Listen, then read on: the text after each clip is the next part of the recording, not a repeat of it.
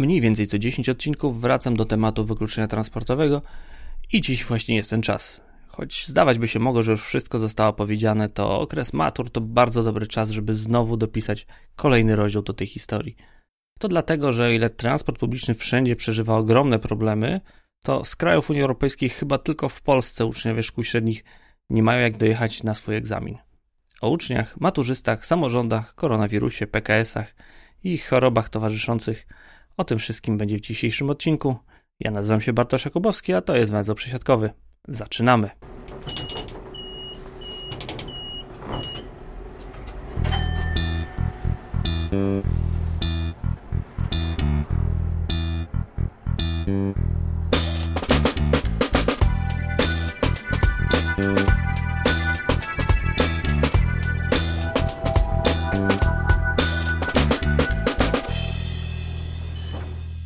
Jak już mówiłem w kasandrycznym odcinku numer 52, ze wszystkich gałęzi transportu, to właśnie transport publiczny oberwał najbardziej przez koronawirusa.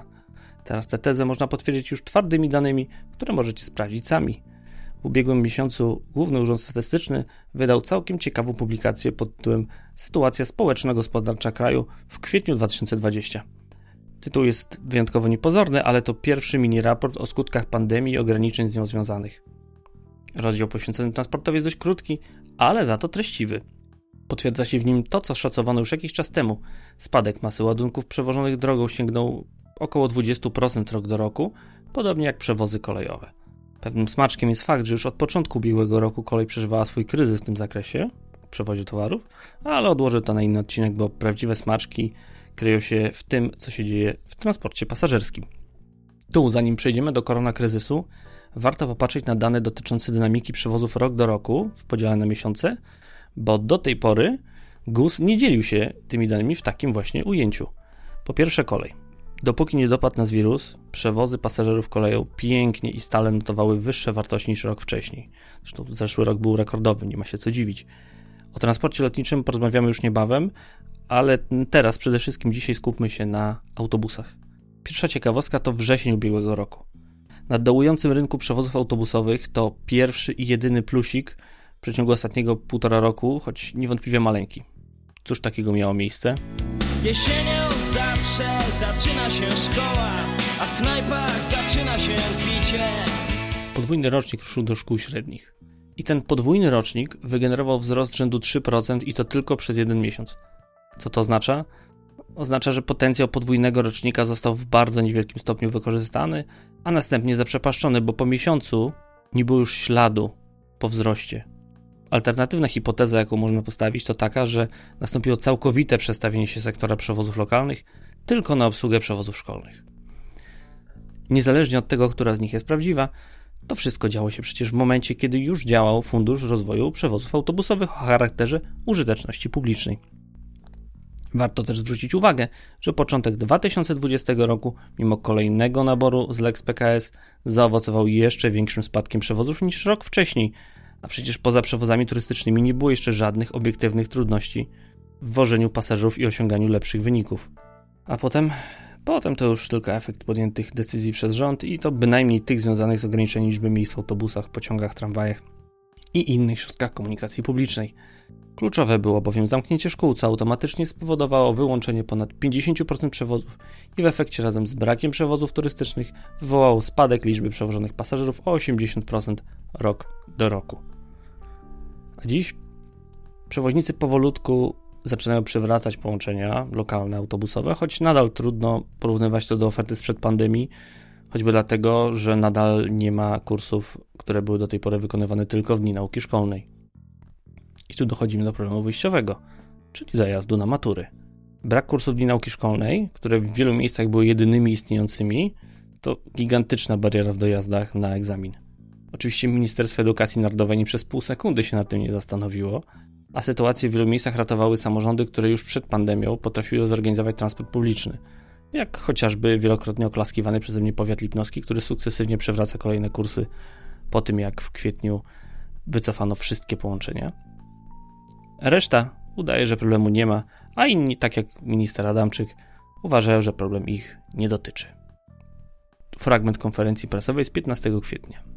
Redaktor Sandra Skibniewska, Super Express, pyta pana ministra Adamczyka o to, czy E, są jakieś rozwiązania mm, ministerstwa dla osób, które muszą poruszać się do kraju, po kraju, bo pracują i nie mogą wykonywać swojej pracy zdalnej, a nie mogą korzystać z połączeń autobusowych, które są zawieszane, likwidowane.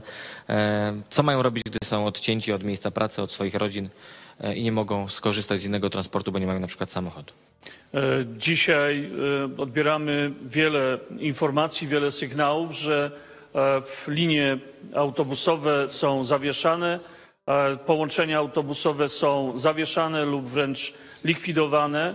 E, to zdecydowanie mm, utrudnia poruszanie się e, Polaków, szczególnie tych, którzy nie posiadają własnych środków transportu. Mamy nadzieję, że kiedy mm, ta działalność firm autobusowych stanie się podobnie opłacalna, ponieważ frekwencja w tychże na tych liniach autobusowych e, jest, e, osiąga poziom kilku procent.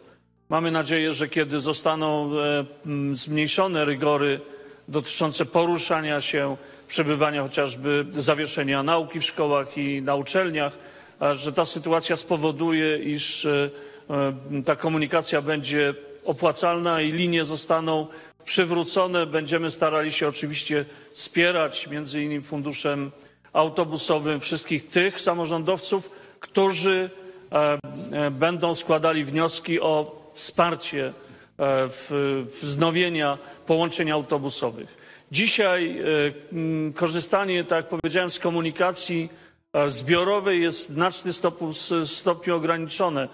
O ile do tej pory samorządy ustawiały się w pozycji petenta wobec przewoźników autobusowych, to przyjęcie tej postawy przez ministra i powiedzenie wprost wszystkim osobom, które nie mogą korzystać z własnego auta, że są na łasce PKS-ów i busów, to już całkowita kapitulacja państwa w tej dziedzinie.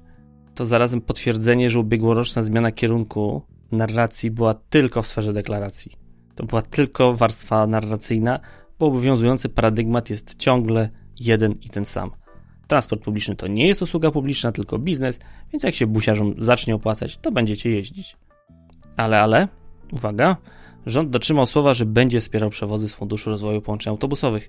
Z początkiem maja uchwalono, że do końca roku stawka do opłaty do kilometra będzie wynosić nie 1 zł, ale 3 zł, po czym na łapu capu, bo aż z dwudniowym wyprzedzeniem ogłoszono dodatkowy nabór wniosków na dopłaty do przewozów. A nabór trwał aż tydzień, od 22 do 29 maja. Na razie mało który wojewoda się pochwalił wynikami. Do tej pory zrobił to tylko wielkopolski wojewoda i niestety trudno oczekiwać wielkich sukcesów przy takim trybie ogłaszania naboru. Wielkopolskie samorządy złożyły wnioski na zawrotną kwotę 1 400 tysięcy złotych. Biorąc pod uwagę dotychczasową praktykę w szacowaniu wysokości dopłat, to można spokojnie oszacować, że wymiar pracy eksploatacyjnej, czyli tego, ile kilometrów przejadą dofinansowane autobusy maksymalnie, to mniej niż pół miliona wozokilometrów. No, pytanie, czy to dużo, czy to mało. Wnioski dotyczą 59 linii o łącznej długości 1600 km. Dzieląc pracę eksploatacyjną przez długość linii i przybliżoną liczbę dni kursowania, wychodzi nam, że na liniach ze wsparciem z Funduszu Rozwoju Połączeń Autobusowych w Wielkopolsce planowano uruchomić średnio 3,65 kursu na linię przy średniej długości linii 27 km. No, pod warunkiem, że planowane połączenia zostaną uruchomione we wrześniu, bo jeżeli miałyby ruszyć już w lipcu, to wychodzi nam zaledwie 2,5 kursu na linię. Porównajmy to z wynikami naboru z grudnia na cały 2020 rok w innych województwach, bo takie dane są. Z pozostałych województw na aktualny nabór, czyli ten, który był pod koniec maja, jeszcze nie ma. Liderzy wykorzystania środków, czyli samorządy z województwa łódzkiego, na każdej z linii planowały uruchomienie prawie 9 kursów przy średniej długości linii 45 km, więc już trochę więcej. Zwracam uwagę, że mówię tu o kursach, a nie o parach kursów. Na drugim końcu rankingu, choć nadal nie na końcu, bo na końcu jest warmińsko-mazurskie, było województwo dolnośląskie. Tam średnia liczba kursów na linii użyteczności publicznej to około 2,5 przy średniej długości linii 48 km. I tutaj jest kolejny smaczek. Właśnie z tego naboru dopłatę otrzymał powiat kłodzki, który przekazał ją posiadaną przez siebie PKS-owi Kłodzko, a ten właśnie PKS jest na skraju upadłości. W ubiegłym miesiącu niemal wcale nie wykonywał przewozów, Złożył natomiast wniosek do sądu o restrukturyzację i zwolnił 80 z 86 kierowców. Dopiero tydzień temu ten przewoźnik przywrócił dosłownie kilkanaście kursów, Choć kształt tego rozkładu jazdy nie rokuje na przyszłość ani na to, że miałby on przetrwać obecny kryzys. Kursy są raczej w losowych godzinach, a ostatni odjeżdża o 16.30. Link znajdziecie w opisie odcinka. No, typowy przykład konającego PKS-u. Kończąc tę dygresję, wracam do meritum. Wstępne wyniki naborów niestety wskazują na to, że próby naklejania łatek na istniejący system organizacji rynku przewozów autobusowych, no o ile oczywiście to, co mamy, można nazwać systemem, zupełnie nie rozwiązują problemu. Okazało się również, że to nie wysokość stawki dofinansowania jest kluczowa w przywracaniu przewozów lokalnych, bo zauważmy, że przecież mimo trzykrotnie większej stawki wielkopolskie samorządy nie podjęły masowo rękawicy. Przecież mamy do czynienia z regionem o stosunkowo wysokich dochodach na mieszkańca, o dużym poziomie dezagraryzacji i najgorszej sieci osadniczej. No ale któż to mógł przewidzieć? Kończąc te złośliwości, to nie jest tak, że tylko my tutaj w Polsce mamy problem z transportem publicznym. Nie, teraz cały świat transportu publicznego przeżywa kryzys. W Europie ruch samochodowy wrócił już do wielkości sprzed pandemii, a transport publiczny dalej zbiera cięgi i możecie to sprawdzić w wielu miejscach. I trendy i rzędy wielkości spadków i odbić są niemalże takie same jak u nas. Tyle, że wśród naszych sąsiadów z Unii Europejskiej nie wprowadzono tak drastycznych ograniczeń w korzystaniu z transportu publicznego, czyli limitowania miejsc w pojazdach i nigdzie nie zlikwidowano tak wiele połączeń. Jedynie w Polsce wstrzymanie zajęć w szkołach wywołało zapaść lokalnego transportu autobusowego po stronie podażowej, czyli tego, co przyjeżdża na przystanek. System, można powiedzieć wprost, zawalił się i nawet jeżeli spora część przewodników nie upadła, bo akurat póki co nie jest tym aż tak źle, to efekty koronawirusa i związanych z nim ograniczeń wydobyły na wierzch wszystkie choroby współwystępujące. Najczęściej występującą chorobą jest kompletny brak świadomości wśród organów władzy i tej centralnej, i tej samorządowej, jak ważny jest transport publiczny. I to widać dokładnie wtedy, kiedy powiat lipnowski, który przecież nie otrzymał wsparcia finansowego z Funduszu Rozwoju Przewozów Autobusowych, odtwarza swoją ofertę sprzed epidemii, a jednocześnie samorządy, którym zaoferowano dodatkowe pieniądze, i tu uczciwie trzeba przyznać, że zrobiono to na łapu capu i jedynie do końca roku, co jest ogromnym błędem, robią bardzo niewiele. Tymczasem tracimy pi kolejny, piąty rok na didaskalia, zamiast skupić się na budowie systemu organizacji transportu publicznego, bo przecież ciągle ustawa o publicznym transporcie zbiorowym obowiązuje tylko do końca roku. A wy, drodzy maturzyści, musicie poradzić sobie sami. Bo ani wam, ani wszystkim innym dotkniętym wykluczeniem transportowym nie pomoże żadna doraźna tarcza, ani obietnica budowy szprych do CPK.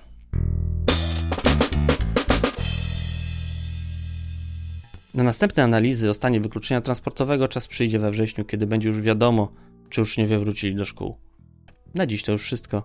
Tradycyjnie pozdrawiam wszystkich patronów podcastu, bardzo dziękuję za wsparcie, a w szczególności dziękuję Piero, Pawłowi Zegartowskiemu, Pawłowi Szczurowi, Tomaszowi Tarasiukowi, Monice Stankiewicz, Kubie Czajkowskiemu, Pawłowi Łapińskiemu, Andrzejowi Kaźmirowskiemu, Peterowi Jańcowiciowi, Janowi K., Jerzemu Mackiewiczowi, Jakubowi Kucharczukowi, Julii Widłak, Michałowi Cichoszowi, Łukaszowi Filipczakowi, Pawłowi Musiałkowi i Filipowi Lachertowi. Do usłyszenia.